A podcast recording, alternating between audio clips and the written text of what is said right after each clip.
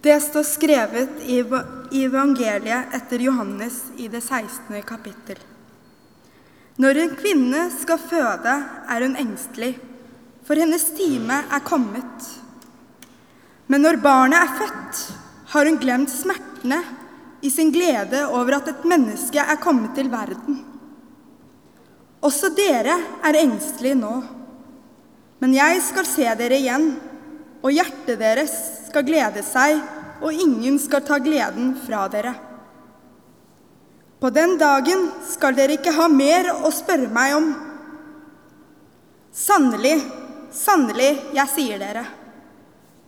Hvis dere ber Far om noe, skal Han gi dere i mitt navn. Hittil har dere ikke bedt om noe i mitt navn. Be, og dere skal få, så gleden deres kan være fullkommen. Slik lyder det hellige evangeliet. Ordet engstelse det kommer av et annet ord som vi kanskje ikke har tenkt på så mye. Det kommer av ordet angst. Og Livet er faktisk et prosjekt som for svært mange innebærer en hel del angst. Det er noe man møter ved ulike punkt i livet. Og Noen møtte det allerede som barn. Det var ikke trygt hjemme. Så angst kan være der fra ganske tidlig alder av. Advent i betydning å vente med engstelse på noe godt fra Gud. Det er fellesnevner for alle kristne. Og det er fellesnevner for jøder også. Det har vært de livsvilkårene vi alle sammen har levet under, og fremdeles lever under. Jeg tror vi stadig trenger å bli minnet på om at Gud ikke har glemt oss i våre vansker. At Gud hører oss og ser oss, sånn Lukas forteller i starten av evangeliet. Og så fortsetter det å bre seg utover med Jesus som etter hvert taler sjøl. Og Da er vi kommet til et sånt sted der Jesus taler til disiplene. Og så var det én setning som slo meg så grådig mens jeg leste denne. Og den ble værende hos meg. Og det er setning til oss nå, tenker jeg. Også dere er engstelige nå. Nå er det vi som er engstelige. Det er som om stafettpinnen har gått videre fra generasjon til generasjon. Med andre ord, Dette er en tekst til oss også. Og Budskapet på en underlig måte binder oss sammen med tidligere slekter og med hverandre, vi som er her nå. Og Måten det kan binde oss sammen på, det er hvis vi tør å snakke om det som engster oss. For det er vi så utrolig gode på å skjule i Norge. Mye fasader, alt skal se fint ut på utsiden, og på baksiden så er det mye engstelse. For meg er et godt fellesskap som kristen det er noe av det aller viktigste som er i troen. Og Fellesskapet blir så utrolig mye bedre hvis vi jobber sammen, for det må vi hvis det skal skje, for å våge å være sårbare sammen. For det som skjer da, og det har sett en del ganger, heldigvis Ved å våge å være sårbare sammen, så blir både jeg som individ sterkere, og vi som fellesskap blir knyttet sterkere sammen. Sårbarhet gjør oss sterkere, så rart som den høres ut. Og I denne teksten her så snakker for din sekvenstekst. Den er litt lengre enn det vi leste nå. Der snakker Jesus og disiplene sammen, og de deler. Og Jesus var en del av fellesskapet.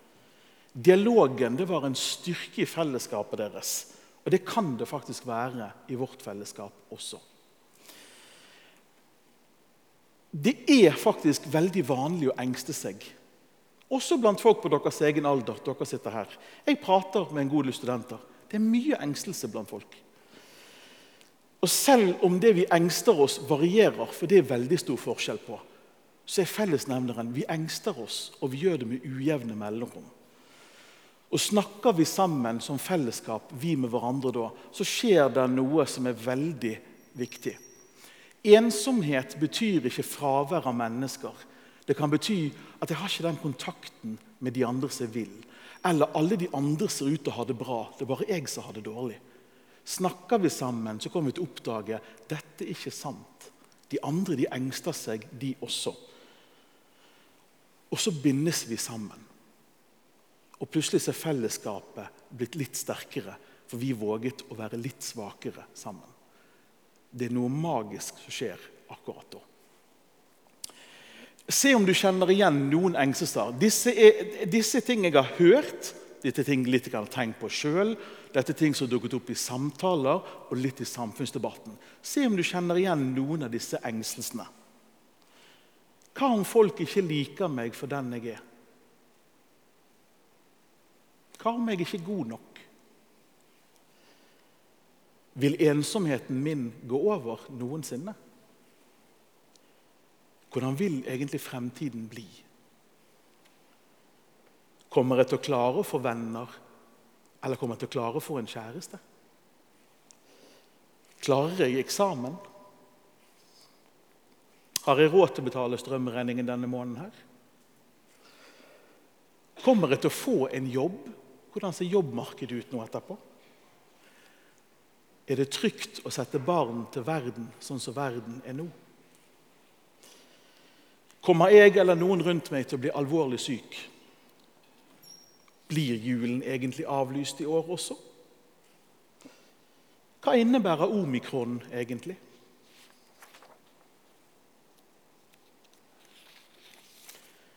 Hva om studiestedene stenger ned igjen? Hva skjer egentlig med økonomien for tiden? Klarer vi å unngå den verste miljøkrisen? Er verdensfreden truet nok en gang? Og Så kommer de store bekymringene til slutt. Hvordan skal det egentlig gå med Brann, fotballklubben? Og Kommer byrådet noensinne til å bli enig om trasévalg til Åsane? Blir det noe av i det hele tatt? Så dere ser, Det er mye vi kan bekymre oss over, sant? og noe kan vi le av. Noe blir veldig alvorlig. Bare ved å snakke om det jeg gjør nå, så tipper jeg at flere kommer i kontakt med sin egen engstelse. Ikke egentlig fordi jeg sier noe nytt, for det tror ikke jeg gjorde. Men for det aktiverer noe hver og en bærer på allerede. Og det er jo det som er poenget. Vi bærer på noe, alle sammen. Ved å snakke sammen om det vi engster oss for, så vil det faktisk dempes for mange. Det å sette ord på det, det hjelper. Gamle ordtak er det mye sant i. Delt sorg er halv sorg. Det er mye sant i det. Og så kan man ved å snakke med andre få gode perspektiver. Sånn, ting ikke jeg har tenkt på sjøl, kan du ha tenkt på. En tanke som kan hjelpe meg. Kanskje var det til og med godt å få litt trøst og litt forståelse. Eller litt gjenkjennelse. Vet du hva, jeg engster meg, jeg også. Herre, hva jeg engster meg om. Og Det er en del av disse gode nyhetene. Det felles skjebne gir veldig ofte felles trøst. Å møte hverandre i sårbarheten kan gi styrke. Det er faktisk veldig gode nyheter. For Man skulle jo tro at ved å være sårbar, så blir det verre. Jeg tror faktisk, hvis vi tør, og det må jobbes med i et fellesskap for å tørre å være sårbar, men klarer vi å komme dit, så er fellesskapet blitt mye sterkere. Og så vil jeg minne om noe, for Sårbarhet det er ikke alltid lett å bare buse ut med. Og det er ikke alltid vi skal til alle til enhver tid heller. Det, det er noen ting som er såpass sårbart. Kanskje vi må begynne et sted. Det går an at du tar kontakt med meg eller min kollega Marie, vi som er studentprester. Spør om en prat. Der er det taushetsplikt. Eller kanskje var det Øyvind Rudolf du ville snakke med her. Eller kanskje Susanne eller noen andre som hadde lederfunksjoner her. Kan være der det begynner. Øve litt på denne sårbarheten. Noen ganger så er behovet for å snakke med noen midt på natten. Dagens offer går til Kirkens SOS. Der er det noen i andre enden du går an å snakke med hele døgnet. Det er utrolig flott. Det viktigste i hvert fall er ikke gå alene med tankene dine. For det trenger du faktisk ikke. Det er faktisk noen å snakke med. Og sårbarheten som gis ord til, den pleier å bedre seg. Ikke sikkert det skjer umiddelbart, men litt over tid. Hvis vi går tilbake igjen mot teksten Gud tenker jeg, ønsker å møte oss der vi er, og dele våre dager. Akkurat sånn som Jesus gjør i denne teksten, der Jesus deler der disiplene var, og delte deres sorger og gleder. Og En viktig måte å gjøre det på, det åpner Jesus for i teksten. Før har dere ikke bedt om noe i mitt navn. Bønnen som vei åpnes. Det å snakke med Gud og inkludere Gud i det vi engstes over, det vi er opptatt av. Jesus har sagt det veldig godt. Jesus pleier å si det veldig godt. Det er jo det som er fint. Kom til meg, alle dere som strever og bærer tunge byrder, så vil jeg gi dere hvile. Og det begynner med å komme. Vi kan faktisk snakke med Jesus om alt. Og vi kan be hans navn på vegne av oss sjøl, på vegne av en annen vi er opptatt av. Og vi kan også be for hverandre. Bønnen er en utrolig viktig del av fellesskapet. Dette med å løfte det frem til Gud. Jeg opplever sjøl mange ganger at det kan være godt å legge ting i Guds hender. Spesielt når det går med bekymring og engstelse, og enda mer når det er ting jeg ikke kan gjøre noe med sjøl. Og Det er av og til det som kjennetegner engstelsen. Jeg har ikke makten til å endre på det jeg engster meg over. Og hvor skal jeg gjøre av engstelsen min da? Da tenker jeg Guds hender er et godt sted å legge det over. Dette er for stort, dette må du bære. Jeg kan ikke. Det kristne fellesskapet er for meg utrolig viktig. Selv på sitt mest skremmende i tiden etter Jesu død så hadde disiplene hverandre. Og Hvorfor hadde de det? Jo, for Jesus skaffet seg ikke én disippel, han skaffet seg tolv. Han innstiftet et fellesskap med en gang. Det var alltid et fellesskap. Og det er utrolig viktig. Det er en visdom som ligger der, at det var ikke én disippel, det var tolv. Det var alltid et fellesskap. Det å snakke med hverandre om engstelsen og det å støtte hverandre har verdi. Og jeg er helt sikker på i disse forferdelige timene fra Jesus var død til han oppsto igjen, så snakket de sammen. De støttet hverandre. Det er mye de ikke skrevet om i evangeliene her. Selvfølgelig hadde de hverandre. Og selvfølgelig så var det brytninger i fellesskapet så vanskelig òg. Vi hadde problemstillingen med Judas. Alt var ikke perfekt. Fellesskap er vanligvis ikke helt perfekt. Men det betyr ikke at det er verdiløst av den grunn. De hadde hverandre.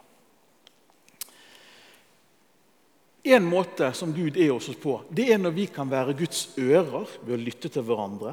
Guds munn ved å si noen Jesu ord eksempel, og dele. Eller komme med noen trøstens eller forståelsens ord. Av og til det hendene, føttene. Vi kan gjøre ting for hverandre og sammen med hverandre. Av og til er det beina våre. Vi tar fysisk beina fatt og besøker noen som er utenfor fellesskapet en stund. Det er en veldig viktig del av det å være et fellesskap. Elsk hverandre som jeg har elsket dere, sa Jesus. Ja, Det er litt sånn det handler om å gjøre det. Ved å være sammen som fellesskap så kan vi styrke hverandre, og vi kan be sammen, vi kan dele Jesu ord. Og Da kan vi ta med i samtalen Jesus ved å be. Jeg tenker Dette er én måte å være med på å virkeliggjøre visjonen vi har her i St. Jakob. Dette er en av måtene vi kan bygge fellesskap på. Dette er en måte vi kan skape kultur, en ærlighetskultur og en omsorgskultur. Dette er også en måte vi kan søke Gud sammen på, også i det vanskelige. Ved ikke bare surfe på livets overflate når vi snakker sammen, men det er plass til noe dypere enn det. Jeg håper at det er noe vi kan forsøke av og til. Kanskje i små grupper. Vi har noen bibelgrupper, f.eks. Noen småfellesskap. Og vi kommer til å opprette flere. Kanskje det er et godt sted å starte.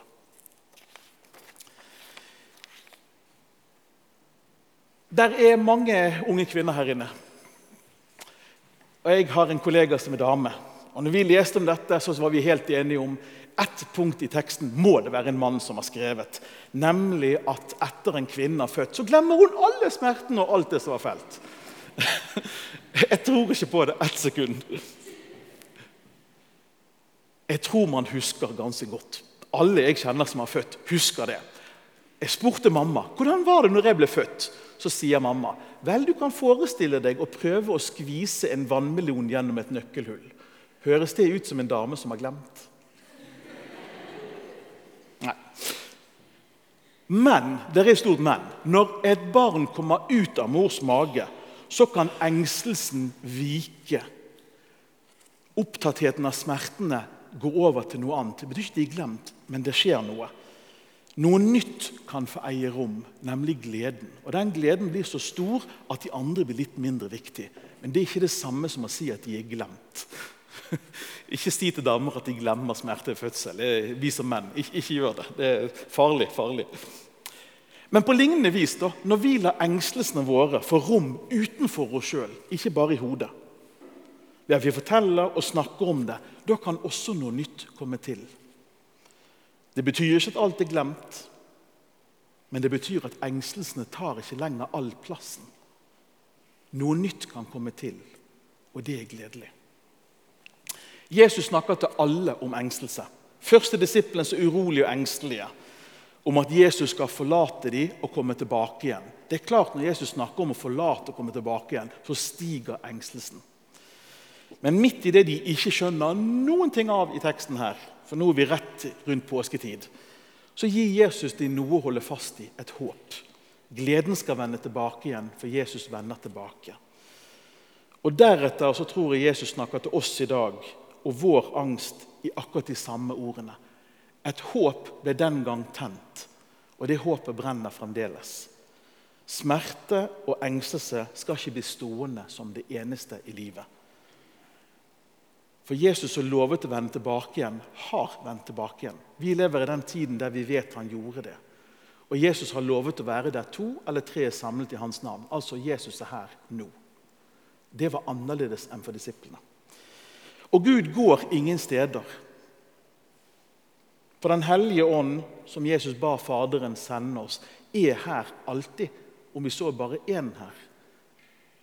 Gud går ingen steder, Gud blir. Det er også de gode nyhetene. De gamle ordene som Gud alltid har sagt når folk har vært i engstelse, det er også ord til oss. Vær ikke redd, for jeg er med deg. Det er fremdeles ord til oss. Og Jesus gikk lenger. Ja, jeg er med dere alle dager inn til verdens ende. Det stopper aldri, dette løftet. Det endrer ikke det at det ikke er ting å engste seg over. For det kommer jeg til å klare helt fint, selv om jeg kjenner disse ordene.